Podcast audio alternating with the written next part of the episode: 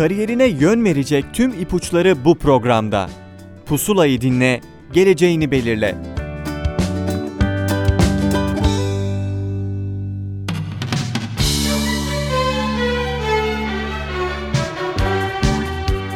Merhaba sevgili dinleyenler, ben Adem Demirelli. Pusula'dan tüm dinleyicilerimize merhaba.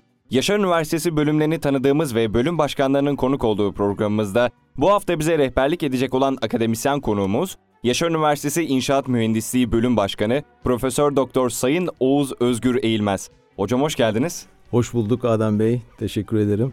Ee, öncelikle programımıza konuk olduğunuz için çok teşekkür ederim bizleri kırmadığınız için. Ee, isterseniz kısaca hemen sizi tanıyarak başlayalım. Tabii ne demek. Çok teşekkür ederim. Ben çok memnun oldum çağırdığınız için. 90 mezunuyum. 1990 ODTÜ İnşaat mezunuyum. Yapı dalında yüksek lisans yapmak için yurt dışına çıktım ilk 90 yılında. 90-92 arası Amerika'da yüksek lisans yaptım. Sonra o aralar Türk şirketleri vardı Rusya'da müteahhitlik yapan. Yüksek lisansı bitirince orada bir fırsat buldum. Böylece profesyonel hayata Rusya'da başladım. 3 yıl oradaydım. Bir sonra 9 yıl oradan Türkiye'ye döndüm. Bir yaklaşık 9-10 yıl şantiyelerde çalıştım. Son işim İzmir'deydi. 3 yılım İzmir'de geçti. İzmir'de tabii çalıştığım yerler içinde en güzellerinden. Tabii şantiyenin şöyle bir sıkıntısı var. Bir şantiye bitiyor, öbür şantiye nerede, nereye gideceksiniz? Gene yurt dışında iş bulmuştum. Ama İzmir'de kalmak isteyince ya dedim hocalık iyi bir fırsat. Ben gideyim bir doktora yapayım. Ee, bunun üzerine tekrar Amerika Birleşik Devletleri'ne gittim. Gene yapı dalında doktora yapıp Yüksek Teknoloji Enstitüsü'ne döndüm. 2006 yılıydı galiba. Böylece hem akademik hayata başladım hem İzmir'de yaşamaya başladım.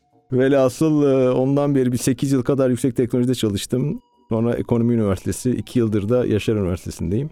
Aslında inşaat mühendisliği dediğimiz zaman isminden dolayı çok açık bir şekilde belki halk tarafından e, ne amaçla bu insanların burada bu bölümü okuduğu çok belli gibi durabilir. Ama sizden bir akademik olarak çok kısaca inşaat mühendisliğinin amaçlarından bahsetmenizi istersem Şimdi, nasıl açıklarsınız hocam? Amaçları şu aslında inşaat neredeyse dünyadaki dönen ekonomik sistemin yüzde altmışını oluşturuyor. Ülkemize bakacağız tabii elbette. Ülkemizde inşaat sektörü, inşaatların durumu işte yağmur yağınca başımıza gelenler, yollar, efendime söyleyeyim deprem tehdidi ve yıkılan binalar. Ee, şimdi inşaat mühendisliğinin amacı, bölümünün amacı aslında iyi mühendis yetiştirmek. Yani davranışı, yapı davranışını bilen, depremi tanıyan, depremin risklerini bilen, altyapı sorunları nedir, bunlar nasıl çözülür, ee, bu konuda iyi eğitim almış mühendisler yetiştirmek bölümlerin ana amacı. Bizim de amacımız bu. İnşaat mühendisliği makine ve elektrikle beraber üç temel mühendislikten bir tanesi. Kimya mühendisliğine de buna katmamız lazım. Bunların temelliği de fizik kanunları tabanlı olmalarından çıkıyor. Yani bizde her şeyin bir matematiksel açıklaması, daha doğrusu fiziksel açıklaması var. Dolayısıyla inşaat mühendisi bölümünü düşünen öğrencilerin Newton mekaniği ve onun üzerinde devam eden fizik konularına ilk aşamada bir kere merakının olması lazım, ilgi duyması lazım. Çalışırken zevk alması lazım. Çünkü inşaat mühendisliği de makineyle de konuşursunuz. Makine mühendisliğinde hep bu temelde devam ediyor. Yani baktığımız her şeyde istinat duvarı çöküyorsa, binalar çöküyorsa bunu hepsi iniyorsunuz iniyorsunuz. Lisede, üniversite 1'de aldığınız fizik 1'e geliyor. Aslında kümülatif bir şekilde ilerleyen bir süreç, öğrenim süreci aynı zamanda. Öyle öyle öyle gerçekten. Bölüme ortalama kaç öğrenci alıyorsunuz? Biz her yıl yaklaşık 50-60 öğrenci alıyoruz. Sayı tabii çok net olmuyor çünkü dikey geçiş, yatay geçiş, yabancı öğrenciler geliyor. Velhasıl bir 60 kişiyi buluyor. 60 kişi de güzel bir sayı açıkçası. Derslerde laboratuvarları ikiye bölüyoruz. Çok kalabalık olduğunda dersleri e, iki şube açıyoruz. Ya verimli bir öğrenim görüyorlar. Hocam e, az önce bölümün amaçlarından bahsettik. E, öğrencinin hangi özelliklere sahip olması gerektiğinden bahsettik. E, peki öğrenciler neden inşaat mühendisliğini seçmeliler? Neden mühendis olmak istemeliler? ya, ya da neden inşaat mühendisliği içerisinde öğrenim görmek istemeliler? Az önce bahsettim bir kere mühendislik, inşaat mühendisliği. Tabii inşaat deyince makine, elektrik bunlar da giriyor işin içine. Yani dünya ekonomisinin yüzde altmışını bu kontrol eder vaziyette yan dallarıyla beraber. Mühendislik de özellikle bu temel mühendislikler. Yani bir inşaat mühendisi mezun olduktan sonra işletmede yüksek lisans yapar, endüstride endüstri mühendisliğinde yüksek lisans yapar. Aklınıza gelebilecek her yerde yüksek lisans yapıp dalını değiştirebilirsiniz. Ama temel mühendislik dışında eğitim aldıysanız gelip de ya hadi ben bir de şu bir iki yılda bir inşaat mühendisliği okuyayım. Hadi bir inşaat mühendisi olayım. Elektrik, elektronik mühendisi olayım. Böyle bir şey yok. Peki diğerlerine niye çok açık oluyor bu temel mühendislik? Çünkü bir analitik düşünme yetisi kazandırıyor bu e, mühendislik eğitimi. Özellikle bu üç mühendislik eğitimi. Merak duymak, keyif almak şartıyla tabiatla iç içe bir meslek.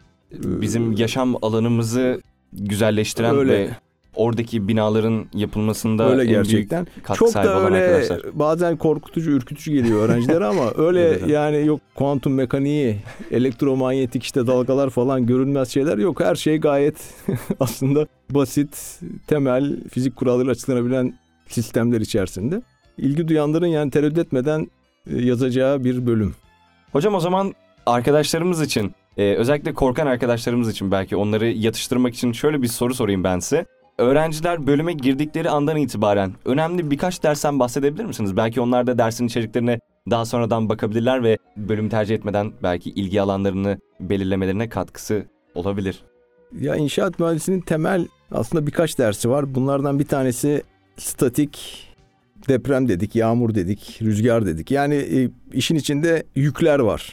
Barajsa baraj, binaysa bina, köprüyse köprü. Bu yüklerin yapıda oluşturduğu kuvvetler var. Momentler, kesmeler, basınç kuvvetleri. Önce bunları bir hesaplayabilmek lazım. Yani bizim temel eğitim bu statik dersiyle başlıyor. Bunlar nasıl hesap? Yük etkileri yapıda neler oluşturuyor? Onları nasıl hesaplayabiliriz? Bu tabii statik fiziğin üzerine geliyor. Onun üstüne de mukavemet dersi var. Yapıların mukavemeti. Yani yükleri belirledikten sonra ya bu yapı kiriş elemanı, kolon elemanı acaba ne kadar yük taşır? Gerilmeler, basınç gerilmesi, eğilme gerilmeleri. Öğrencileri de esas ürküten bu statikle mukavemet dersi oluyor. Ama ürkmesinler. Gelsinler hocam. Çalış, çalışsınlar, ilgi duysunlar. Tabii yapı dalı tek dal değil. Ee, akışkanlar mekaniği var, zemin mekaniği var. Ee, onlarla ilgili temel dersler var. Sonra da tabii 3. sınıfa geldiklerinde en etkili dersler betonarme yapı tasarımı, Daha da mı korkutucu? çelik yapı tasarımı Ee, böyle böyle gidiyor. Hocam peki kendilerini biraz daha geliştirmek isteyen arkadaşlarımız için yan dal ya da çift ana dal imkanı sunuyor musunuz?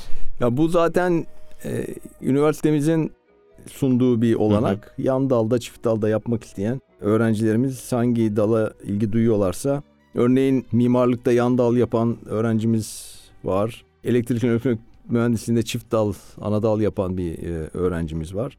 Gerçekten bir fırsat onlar için. Biraz tabii özverili olmaları lazım. Daha çok ders alıyorlar. Böyle çift ana dal 4 yılda bitirmesi kolay değil. O muhtemelen 5 yıla kadar uzuyor ama yani ilgi, ilgi duyuyorlarsa zaten mutlaka e, yapmaları lazım böyle bir fırsat varken. Biz destek veriyoruz. Kendilerini daha da geliştirmek isteyen arkadaşlarımız için e, yurt dışı eğitim olanakları var mı? Yani Erasmus mesela en popülerlerinden bir tanesi günümüzde. Erasmus en popülerlerinden, aslında en çok bilineninden Evet en çok bilineninden. aslında farklı bir programı daha var üniversitemizin. Erasmus e, anlaşmalarımız var bizim İtalya'da, İskoçya'da e, birer üniversiteyle.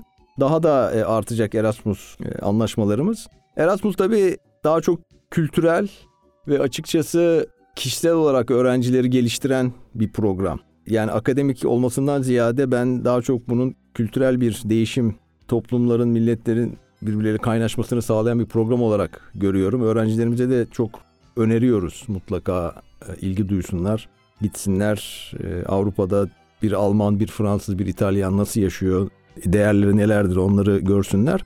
Dünya sadece Türkiye'den ibaret değil, mutlaka olanakları kullanmalarını tavsiye ediyoruz. Erasmus da tek olasılık değil.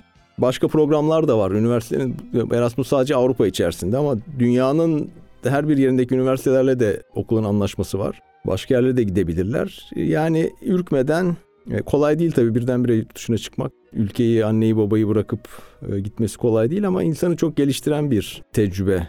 Yurt dışında 6 ay, 8 ay kendi ayakları üstünde durmak. Çok tavsiye ettiğimiz programlar bunlar. Söylediğiniz gibi hocam kazanımları çok fazla. Bir teraziye koyarsak götürdüklerinin yanında bence getirdikleri daha öyle, fazla. Öyle evet. Fiziksel imkanlar nelerdir hocam? Güzel laboratuvarlar kurduk. Yani öğrencilerimiz inşaat mühendisi tabii malzeme dalı var. malzemede işte en bilinen çimento, betonun davranışı, efendime söyleyeyim çelik donatılarının davranışı, kirişlerin davranışı, zemin mekaniği, zeminle ilgili veriler çok önemli. Neticede her şey zemine oturuyor. Evet. Ee, zemin laboratuvarı var güzel. Hidromekanik laboratuvarı var. Yani öğrencileri e, bayağı lab ortamına sokup eldivenleri kasları giydirip beton döktürüyoruz. Deneyler yaptırıyoruz. Çok keyifli güzel bir eğitim alıyorlar. Ders dışında onları İzmir inşaat sektörüyle tanıştırma çabalarımız var. Çabadan ziyade bunu gerçekleştiriyoruz. Bölümde toplantılar düzenliyoruz. Önde gelen şirketlerin genel müdürlerini geçen bu dönem Folkart'ın genel müdürünü davet ettik. Sağ olsun kırmadı bizi geldi. Toplantı yaptık. Her yıl bunu tekrarlıyoruz. Biz tabii İzmir'in de güzel bir bölgesindeyiz. Hele Bornova müthiş bir patlama içerisinde. Diğer şirketlerle de hep e, birebir ilişki içindeyiz. Öğrencileri alıyoruz, e, sahalara, şantiyelere götürüyoruz. Maden yataklarına götürüyoruz. Çimento fabrikasına, beton santrallerine götürüyoruz. Çok hareketli, aktif bir öğrencilik hayatı geçiriyorlar. İzmir piyasasıyla da tanışıyorlar. Neler var, neler yok. Tabii bu açıkçası biz olanakları sağlıyoruz. E, nihayetinde öğrencinin tabii ilgisine, e, girişkenliğine e, ve bunlara sahip birisinin, bir öğrencinin rahat bir yol çizmesini sağlayacak olanakları sağlıyoruz. Yani tabii her şey e, insanın kendisinde bitiyor. İsteyen başarıyor. Öyle bu söyleyeyim. isteyen bu yolu takip Bu edebiliyor. yolda ediyor evet. Öğrenciler kendilerini geliştirmek için neler yapabilirler aslında? Siz ne gibi Şimdi- tavsiyeler vermek istersiniz Şimdi öğrenci bir kere arkadaşlara? şunu görmek yani gerçeği önce bir ortaya koymak lazım. Şimdi bugün yani 8 milyar insan olduk. Benim babam da inşaat mühendisi. O 1960 mezunu. O, o, o devirlerde daha yani 3. sınıfta 4. sınıfta işte şirketler gelip işte aman gelin bizimle çalışın. Bu aşamadaydı. Biz bizim dönem de gayet iyiydi. Biz bizlerden yurt dışına giden çok e, arkadaşımız oldu. Ben dahil. Yalnız e, şimdi yani aradan o be- benim babaların zamanından geçti e, 50 yıl. Şimdi dünya çok daha e, rekabetçi bir hale gelmiş vaziyette. Bugün Amerika'da, Kanada'da bir yığın Hintli, Çinli, efendime söyleyeyim Avrupa'da. Ve e, yani biz artık bizler e, dünyanın her yerinden öğrencilerle veya mühendislerle rekabet eder vaziyetteyiz. Şimdi bunu kabul edeceğiz. Öğrenciler de kabul edecek. Yani bizim yaşadıklarımızdan daha zor bir dönemde olduklarını mutlaka idrak etmeleri lazım. İdraktan sonra da o zaman ne yapacağım? O zaman kendimi geliştirmem lazım. Kendimi çok geliştirmem lazım. Bir kere iyi bir İngilizceye mutlaka sahip olmaları lazım. İkincisi tabii ilgi duyup çalışıp yani çok çalışmak lazım açıkçası. Kendini geliştirmenin yolu yani e, çalışmaktan geçiyor. Yani biz tabii yurt dışında da çok bağlarımız olduğu için e, oradaki işte hocalarımız olsun, hoca arkadaşlarımız olsun, öğrenciler olsun. Yani herkes çalışıyor. Biz Türk insanı olarak Avrupa'da da birkaç ülke daha var. Yani biz öyle çok çalışmıyoruz açıkçası. Ama bu genç arkadaşların yani bizlerin çalıştığından daha fazla e, çalışması, sosyal olarak kendilerini geliştirmeleri, kişilik olarak kendilerini geliştirmeleri. Biraz da bu iş hayatı veya yurt dışına gittiğinde işte biraz sosyal olacaksınız, girişken olacaksınız, çekinmeyeceksiniz. Bunlar tabii demesi kolay özellikler ama zaman içinde insanın kendini e, geliştirebileceği özellikler. Tabii mühendislik konusuna da hangi daldaysa da o konuya da hakim olacak. Etik değerleri çok önemli. Emeğe, bilgiye mutlaka saygılı olacaklar. Bilmediği bir şeyi ben biliyorum ya hadi şu hesabı da yapayım, şöyle yapayım, böyle yapayım. Hayır, bilmiyorum nasıl yapılır, öğreneyim, sorayım, doğrusunu bileyim. Bu, bu şekilde geliştirecekler, yetirecekler kendilerini. Yurt dışına da mutlaka ama gerçekten isteyen imkanı bulup gidiyor. Ben de bizler de hocalar olarak gerçekten bütün öğrencilerimizi teşvik ediyoruz.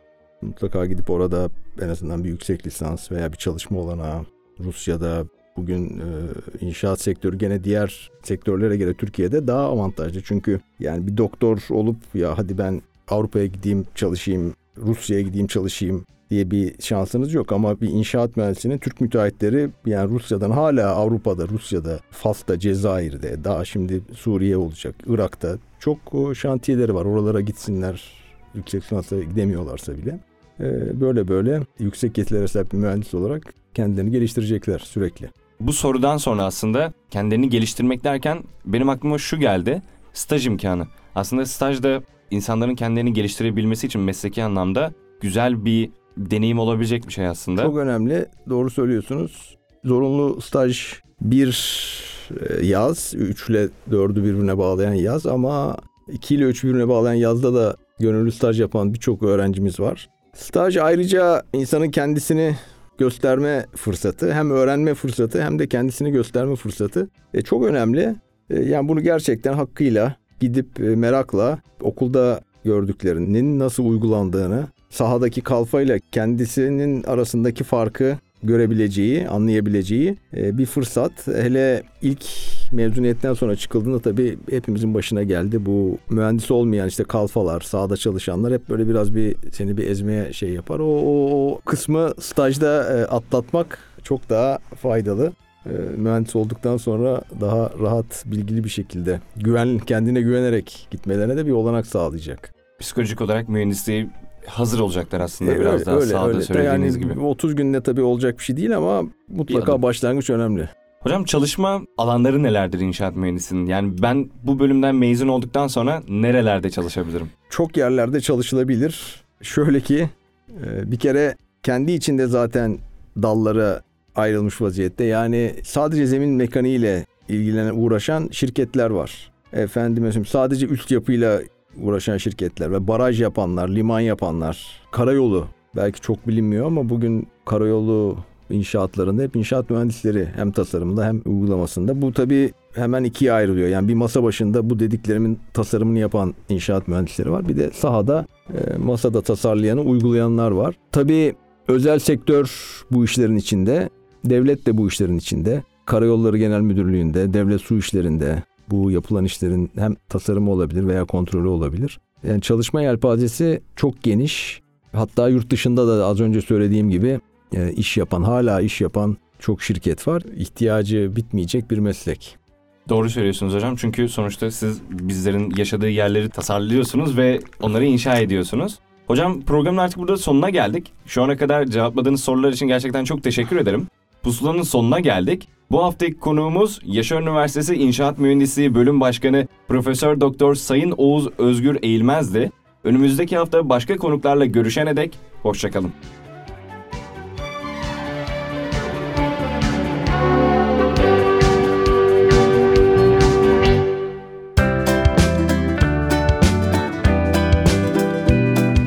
Kariyerine yön verecek tüm ipuçları bu programda. Pusulayı dinle, geleceğini belirle.